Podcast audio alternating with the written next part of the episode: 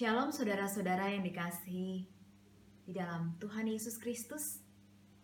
Kita pada hari ini akan kembali mendengarkan firman Tuhan. Firman Tuhan hari ini dari 2 Korintus pasal 1 ayat 3 sampai ayat keempat. 2 Korintus pasal 1 ayat 3 sampai ayat keempat. Terpujilah Allah, Bapa Tuhan kita Yesus Kristus, Bapa yang penuh belas kasihan, dan Allah sumber segala penghiburan, yang menghibur kami dalam segala penderitaan kami, sehingga kami sanggup menghibur mereka yang berada dalam bermacam-macam penderitaan dengan penghiburan yang kami terima sendiri dari Allah. Saudara-saudara, ayat ini berbicara tentang ucapan syukur. Diawali dengan memuliakan Allah, mengingat siapa Allah itu. Kebiasaan kuno, penulis surat mulai dengan syukur atas kesehatannya sendiri. Paulus juga menyatakan bahwa penderitaan dan kesukarannya bahkan ancaman kematian, tidak menghapuskan rasa syukurnya, melainkan justru mendorong Paulus untuk melambungkan pujian kepada Allah.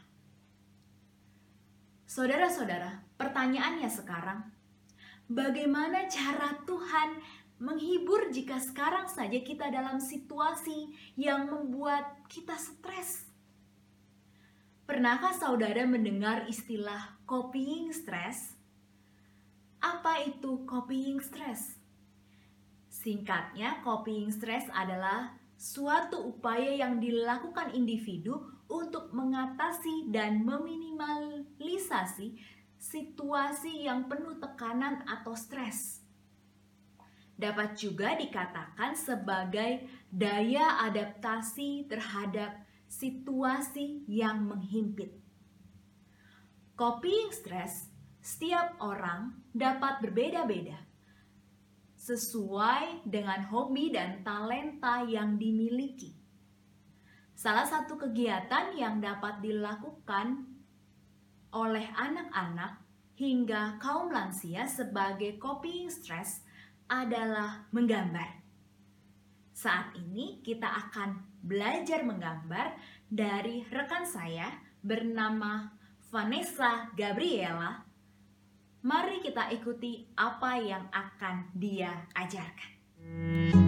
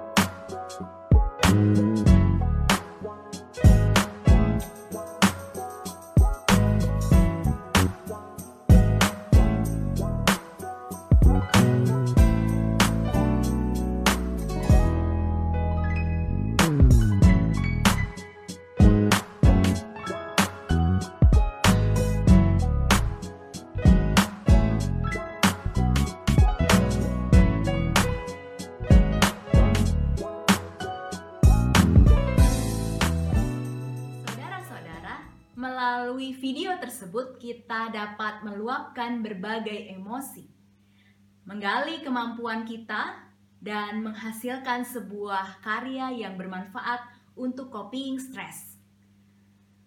Dan sebagai hiasan dinding maupun kenang-kenangan di masa yang akan datang.